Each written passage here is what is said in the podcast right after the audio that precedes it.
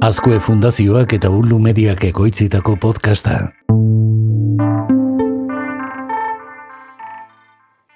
Imaginatzen duzu ikaslen galderak erantzuteko laguntzaile bat duzula? Nekatzen ez den hoietako bat zazpi egunez, hogeita lau orduz, ikaslen zalantzak erantzuten egon daiteken bat. He's wonderful. You really like him? He's a protocol droid to help mom. Watch. Eta imaginatzen duzu irakasle laguntzaile hori robot bat dela? R2D2, a pleasure to meet you. I am C3PO Human Cyborg Relations. Kaixo, maite goni naiz, eta hau, amar minututan da.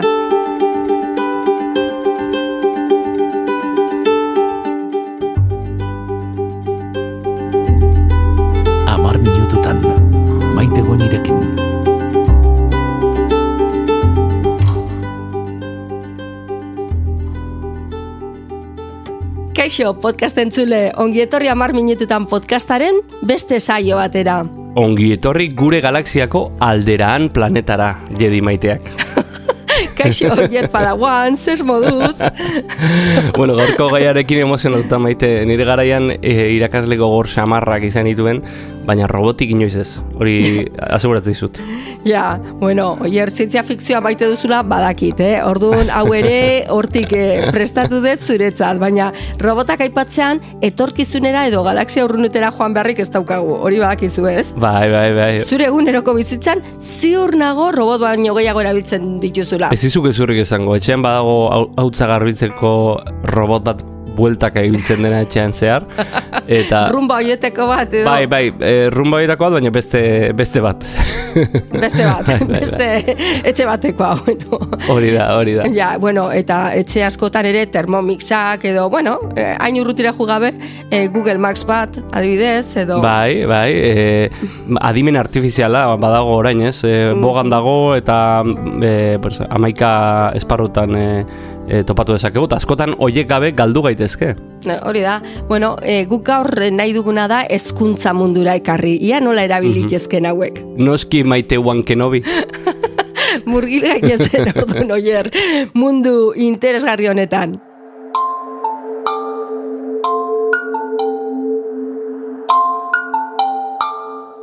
Chatbotak chat automatizatuak dira, hau da. Alde batean gu gaude eta beste aldean makina bat, bueno, bot bat deitzen zaion hori, eta bot hori erabiltzailearekin elkarrizketa bat eh, ba, jarraitzeko gai da, zu galdetzen diozu zerbait eta berak hizkuntza natural xamar batean edo erantzun egiten dizu, baina azken finean beste aldean dagoena software bat da.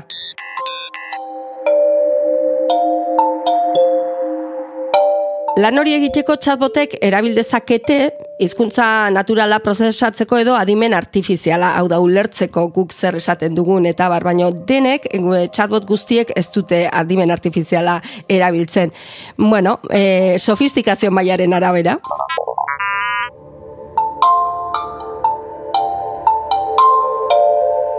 Eta oso bitxia da, ze askotan, eta gertatuko zitzaizuen, ba, zuk ezin dezu jakin ia beste aldean dagoena pertsona bat den, ala makina bat den.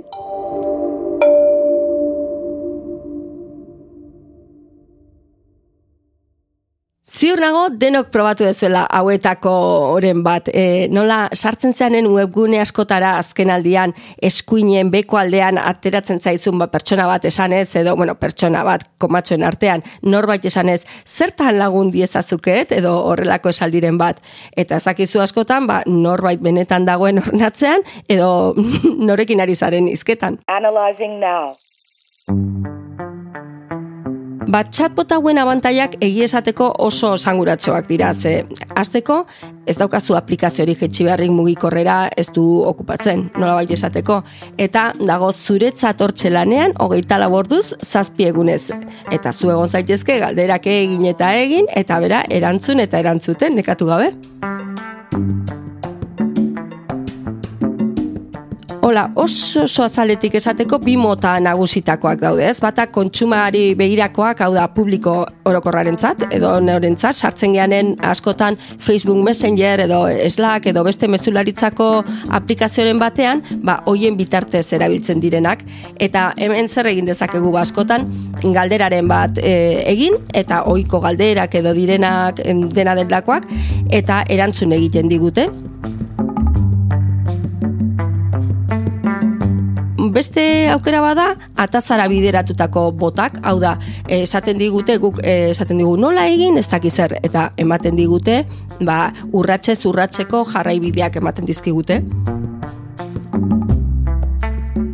Beste bada, komunikabidek erabiltzen dituztenak seguro, telegram bidez edo jaso dituzuela edo inoiz e, telegram edo horrelakoren bat baduzue, ba, bot horiek egiten dutena da besterik gabe zabaldu beraien berriak, baino zabaltzen dituzte automatikoki.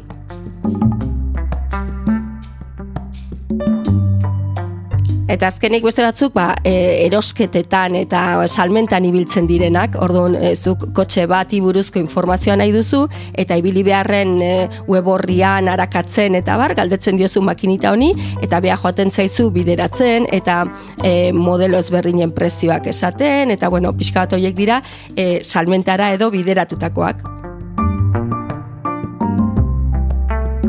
Eta esan dugu bestelakoak ere enpresatakoak hauek izaten dira baina oso espezifikoak, ba, enpresa jakin horren e, ezagutza bat emateko, ezagutzera emateko beraien produkzioa edo bestelako galderak egiteko, baina asko e, ordainduak izaten dira eta nahiko garatuak eta hemen bai e, ba, sarliteke adimen artifiziala eta iturri ezberdinetatik atera datuak eta bar. Baina gu gatozen gurera, oier, bestelako erabilera gertuagokoak izan ditzakete, hezkuntzan adibidez. Hi, how can we use a robot for education purposes?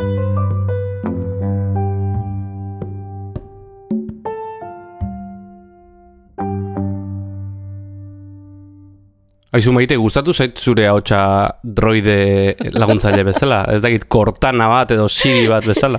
bueno, hoxe bakarri fantazitzai daina. Aizu zergatik ez, e, gazteleraz siriren ahotsa ipintzen duen emakumea, Euskalduna dela irakurri nuen non bai?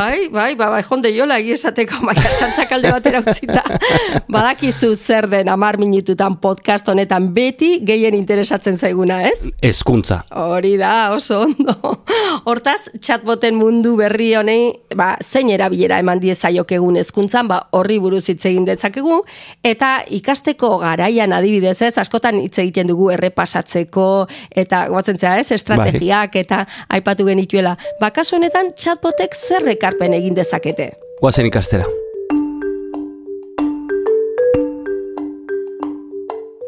Esan dugun bezala, e, ba, ia gehiena enpresa munduan eta barrez ba, aurrekontu batekin eta bar oraindik ez dira zabalduain beste hezkuntza mundura, baina egin litezke gauza interesgarriak chatboten bidez, ez? E, ikusi beharko dugu zein dan gure hartzailean, ba, irakasleak diren edo ikasleak diren edo baita gurasoak izan litezke gure hartzaile potentziala olako chatbot erabiltzen, chatbot bat erabiltzen dugunean. Aplikazio zehaz batzuk hezkuntzan ba, e, niri, bueno, interesgarriena iruditzen zaidana da, galderak eta galderak egiteko ikaslek eta erantzuteko makinitak. Orduan, ez dago benetako elkarrizketa bat, bere ez dago datu base bat, galdera mordo batekin eta erantzun pila batekin, eta orduan berak rekonozitzen du galdera eta botatzen dizu erantzuna. Berez da, bueno, e, egoten dira ba webgunetan eta bar ba, oiko galderak eta horrelakoak. Berez hoixe da, baino ibili beharren zu atzea aurrean gora bera bila, ba, zuzenean galdera egin eta botatzen dizu erantzuna. Correct answer. Congratulations.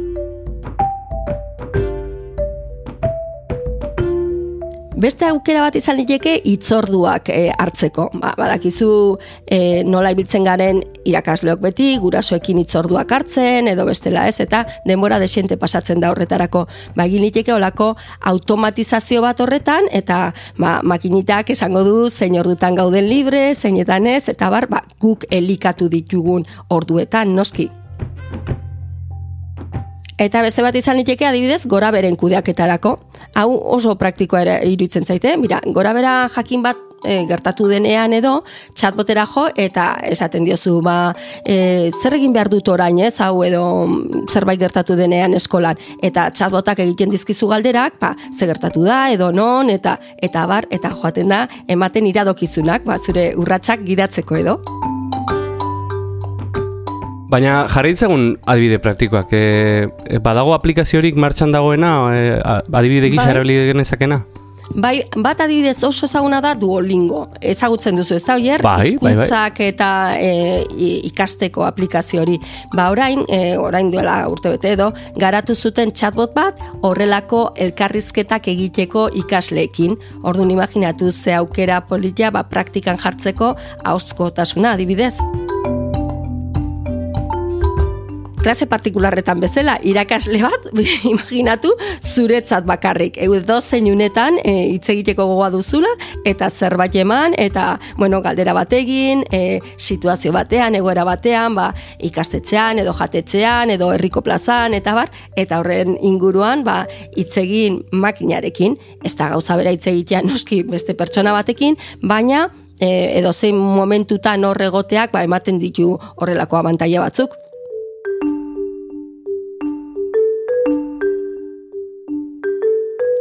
Esan bezala helburua da beste pertsona batekin elkarrizketan arituko bazina bezala aritzea, ez? Gu biok gauden bezalaxe. Bazuk neri galdetu eta ni bot bat izango banitz, ba, zure elkarrizketa jarraituko nuke edo hori, ez? Ba, e, izan liteke e, gainera beste funtzio batzuk e, ipintzea. Adibidez, e, ikaslea trabatuta geratzen da, ez? Momentu batean ezakila ezatzea, ez aurrera edo zer egin, ba, laguntza eskaintzen dio, edo demagun ematen dula ikasleak erantzun kaskar xamar bat, ba, ordun makinak ikusten du, ba, ez dala nivel oso altukoa, eta erantzun hobea erakusten dizu, ba, handik ikasteko, ordun gauza oso interesgarriak egin litezke ez, horrelakoekin. Baina egia esan, e, ideala e, oso hor dago, e, oraindik asko garatu behar da, potentzialitate handia dauka, ez? E, o daukate chatbot hauek, baina oraindik ba, asko geratzen da garatzeko batez ere hezkuntza munduan.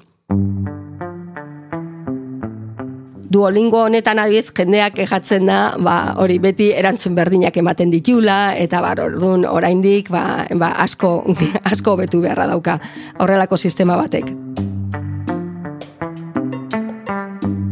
Beste adibide bat emango dizuet. Botsify. Hola, antzeko eredu batean lan egiten duen hezkuntzarako chatbot bata eta e, zer egiten duenek, ba, gai zehatz bat eskaintzen die ikasleik, ba, gai zehatz hori errepasatzen ari direna edo ikasteko dana, ez? Eta ematen du baita testuak, irudiak, bideoak eta bueno, eta hauen kombinazio guztiak. Ordun, hau ikasi ondoren ikaslek testak egiten dituzte eta irakaslek emaitza jaso. Ba, hau ere errepasatzeko e, idea oso zoragarria da. Horrela, irakaslek erraz egin dezakete ikasleen jarraipena.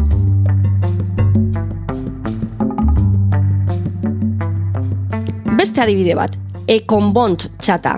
Hau, unedeko ekonomiako ikaslentzat sortutako chatbot bat da, eta mikroekonomia ikasgaian udan zehar errapasatzeko, baino ez da galdera erantzunetan eta bar oinarritzen, ez? E, oso simplea da, eta egiten duena da, ba, Facebook bidezko jakinarazpenen bidez, ba, esan, ba, gogoratu, gaur errepasatu behar duzula lehenengo ikasgaia, bigarrena, baino horrelako gauzak, ez? Eta iraileko azterketa prestatzeko ere, ba, ematen ditu horrelako gaiak errepasatzeko, eta bar, orduan, chatbot oso xumea da, baina bueno, agerian uzten du nola izan daiteken irakaslarentzako eta ikaslantzako laguntza hori, ez? E, laguntzen du irudikatzen pixka bat mundu hori. Recalculating. Tira, maite, niri interesgarriena irituko litzaidakena da, e, ba, irakasleei galderak egiteko aukera hori, ez? Zalantzak galdetzekoa. Bai, imaginatu, Buf, zenbatetan ez ditugu behin eta berriz zalantza berdintxoi erantzuten. Bai, bai. Urtero, urtero, urte urte. Bueno, ba, prozesu hori automatizatzeko gai bagara, ba, gure energia ere beste kontu garrantzitsuetan, ze, mm, badaude gauza mordo bat egin ditzakegunak, ez, irakasleok, orduan, ba, bueno, beste kontu batzuetan e, pasa dezakegu denbora hori. Eta, bueno, bata baino gehiago egongo da pentsatzen eta nondik has gaitezke, ez? Honekin, ba, bueno, egi esateko zerbait oso profesionala egin nahi bada, enpresetan bezala, ba, inbertsioa eskatzen du, ez? Enpresa batek egin behar du. Baina, gero eta gehiago ikusten dira horrelako ikastaroak eta barba honetan trebatzeko. Eta justu da honetan, eta pixka prestatzen ari nitzela gaia, ikusi dut weuk mota honetako ikastaro bat eskaintzen duela ordu norbait interesatzen bazaio, amar ordukoa chatboten inguruan, eta e, chatbot tailerra uste de jarri diotela izena, eta bueno, akaso ez da irakasle guzti guztientzat, ze behar daulako jakintza minimo minimo bat han ipintzen duenez, e, ikastaroaren horrian, baina ikastetxe guztiek dute ba, pertsona bat edo gehiago ba, honetan jantzita daudenak programazioan edo informatikariak direnak beraz oso interesgarri izan liteke horrelako batean sartzean ba, gero irakasleekin uztartu eta haien nahiak ba, bideratu alizatea chatbot hoien bitartez.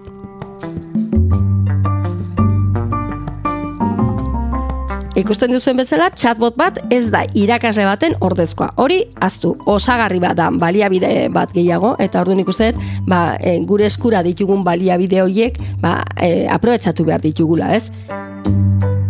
Gainera badakigu joera dagoela gerota gehiago pertsonalizatzeko irakaskuntza eta anistasuna tratatzeko gelan eta barrez ba, hori ere ba, bide bat zabaldu dezakete chatbotek. Oso modu mugatuan orantxe bertan, baina bueno, ate bat edo zabaldu dezakete. You arrived to the destiny. Aizu, ba, oraino ondo ulertu dut, zergatik naizen diamantezko mailara inoiz iritsi duolingon. Oso ondo. Bueno, hier, ez, chatbot horrek mugak baditu esan bezala, baina nik ez dakit hori dan justu, justu zure arazoa, eh? bueno, gogoratu esan dakoa, laguntza hauek guztiak osagarriak dira, lan nagusia beti e, irakasleon esku dago, gurasoen esku, hezkuntza komunitate osoaren esku.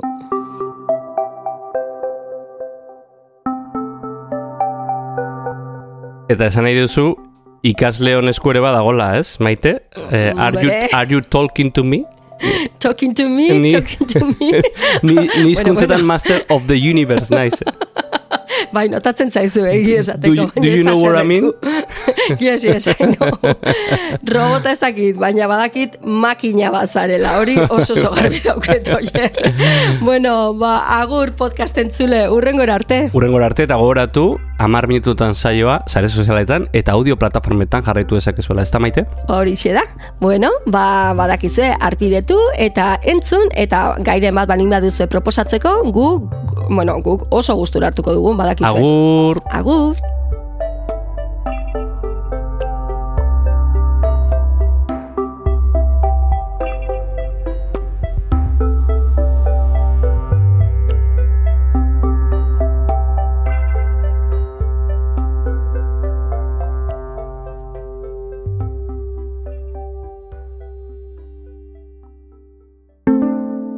Azkoe fundazioa. Ei, txt, entzun hori. Ulu media.